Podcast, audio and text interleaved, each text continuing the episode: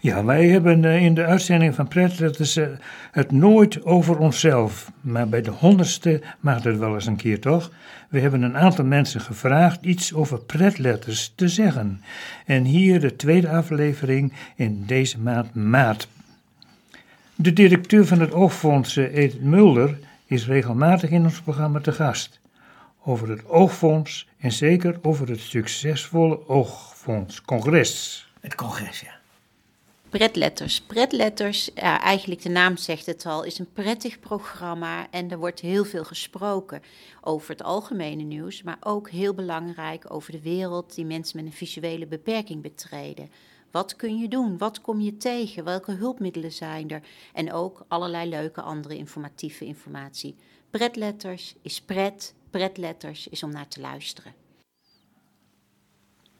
Nou, daar kunnen we in de zak steken. Zo is het. Ja. En uh, luisteraars, luisteren. Toch? Ja, anders dan zijn we nergens natuurlijk als er niet geluisterd wordt. En, en nu krijgen we de medeoprichter van het Macula Café in Groningen. En die gaat wat zeggen. En, uh, Romke. Uh, Romke Meebis, ja. Ja, Meebis, ja.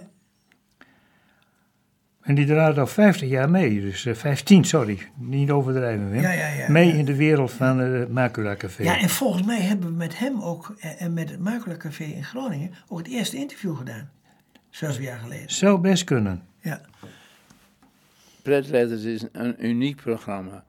Charles die is uh, de leider van het Macula Café. Uh, maar met eindeloze speurzin weet hij altijd weer nieuwe onderwerpen te vinden die iets met ogen, het zien, het slechte zien, de handicaps waar we te maken hebben. Weet altijd weer iets te vinden. Dan denk je, hoe komt hij dan in vredesnaam bij dat hij dit weer gevonden heeft. Dus het is een, een uniek programma. Eigenlijk zou het programma via de officiële radio elke paar weken uitgezonden moeten worden. Over heel Nederland, want het is natuurlijk jammer dat. Maar gelukkig is de, techniek komt ons te hulp. Via internet kun je het over de hele wereld, zelfs in New York, kun je het daar ook beluisteren als moet. Uh, het is een, uh, ja, zeer verrassend, uh, zeer veelzijdig. Al, alles komt aan bod.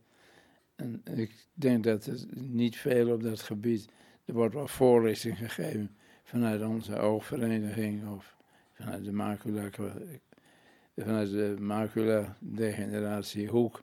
Maar uh, dit is natuurlijk zoiets bijzonders. Uh, ik denk dat het echt een uniek programma is. Dat er niet veel op dit gebied bestaat en voor die tijd ook, ook niet bestond. Dus het is kennelijk helemaal toch een beetje het werk van George Flapper, moet ik zeggen. Nou, wat een mooi voorstel. Uniek toch? Op de landelijke radio. Ja, dat moeten we maar proberen of we dat voor elkaar krijgen. ja. Maar we krijgen al vanuit België krijgen Ja, dat support. is helemaal verrassend natuurlijk. Van ja. uh, Johan Haagdoorns. Hij heeft uh, uh, prachtige hulpmiddelen ontwikkeld voor, voor blinden en slechtzienden. En vooral voor slechtzienden. En nou ja, we luisteren wel even wat hij te zeggen heeft. Hallo, ik ben Johan Haagdoors van Cobra Vision en ik wou toch even wat reageren op pretletters. Ik vind wat George uh, Flapper met zijn equipe doet een fantastische zaak. Hij geeft heel veel informatie over van alles en nog wat, alles wat met allerlei oogproblemen te maken heeft. Ik denk dat ook veel mensen daar veel plezier aan hebben. Maar als ik zo naar Nederland kijk, dan zie ik telkens opnieuw dat in Nederland heel veel verenigingen zijn, heel veel gepraat wordt maar weinig gedaan wordt. Er zal wat meer actie moeten zijn. Ik denk dat in Nederland de slechtziende en de blinde nog altijd heel erg betutteld wordt door de zorgverzekeraars. En daar zou toch iets aan moeten gedaan worden. Zo, dat is wat ik, wat ik ervan denk. Ja, en ook iedere keer uh, geniet ik van de mooie verhalen van Bert van der Pol over uh, het oog. Ja, het is de voormalige uh, hoofd van de van de poli van de, in de, het UMCG in Groningen. En uh, nou ja, we hopen natuurlijk nog heel veel van zijn verhalen te horen. Want hij heeft prachtige series gemaakt met nou ja, de geschiedenis van de oogheelkunde en, en, en dat soort zaken. En die zijn trouwens allemaal nog op podcast te Ook beluisteren. nog. En je moet het toch iedere keer maar even weer willen en kunnen doen, hè? Zo is dat. En, eh, en we hebben dat met veel plezier gedaan. En ik geloof dat hij dat ook wel gedaan heeft. In het kader van jullie jubileum heb je me gevraagd om iets te zeggen over pretletters. Ehm, ik moet eerlijk bekennen dat ik ze niet allemaal ge- gehoord heb, beluisterd heb. Eh, maar degene die ik wel beluisterd heb, vond ik erg leuk. Ik vond, vind dat jullie eh, goede items eh, naar voren halen. Ehm, en ehm, leuke dingen doen. Maar ik moet eerlijk zeggen, ik heb ook nog even gekeken naar wat die. Hoe kom je in godsnaam aan die pretletters? Wat, wat, wat een pretletter, dat is een, een heel merkwaardig ding eigenlijk. Als je dat opzoekt. Ehm, er zijn, Harry van Velen, of, eh, Arjen van Velen heeft ooit eens een keer een, een column geschreven over de pretletter. Dat is namelijk de Q. Die hoort nergens bij hè, en die ziet er ook een beetje dandy-achtig uit. Ja, ik heb ook het gevoel dat pretletters wat dat betreft aardig in de richting komt. Het is een beetje anders dan anders, een beetje tegendraads. Ehm, ja, gewoon leuk. Ik, eh, de, de, de, de afleveringen die ik gehoord heb, heb ik van genoten. Mr. Q. Misters. Mr. Q, Ja. dat is leuk. Maar eh, eh, Wim, waar komt die pre, naam pretletters Nou, dat is nou heel spontaan ontstaan. Dat is, enkele jaren geleden had ik dus ook een uitzending hier met, eh, samen met Maria. En op een gegeven ogenblik zei Maria, we noemen de, de uitzending gewoon pretletters.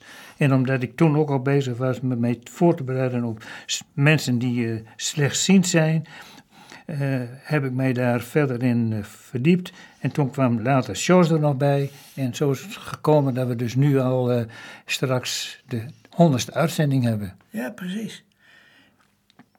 Nou, en dan in pretletters. Daar, daar noemen we eigenlijk nooit namen. Want vind het al een beetje gênant om onze eigen naam iedere keer, te noemen. Ja. Maar goed, dat, eh, dat, dat kan helaas niet zo. Maar, eh, maar we willen toch eh, mensen bedanken. En wil jij dat even doen? Zeker, ja. Nu wel eventjes, hè, dus ter gelegenheid van deze honderdste uitzending. Ik noem dan Jan Brongers, Sander Senier, Berry Harms, Nick Simons. En alle technici die daar ooit op een of andere manier mee te maken hebben gehad of zijn ingevallen. Verder danken we het bestuur en de medewerkers van Radio Parkstad en RTV 1. We vergeten bijna Tim in het veld, want die verzorgt de podcast. Nou, het zijn allemaal mensen op de achtergrond. Die, eh, die zonder hen was dit programma niet mogelijk. En eh één groot lof.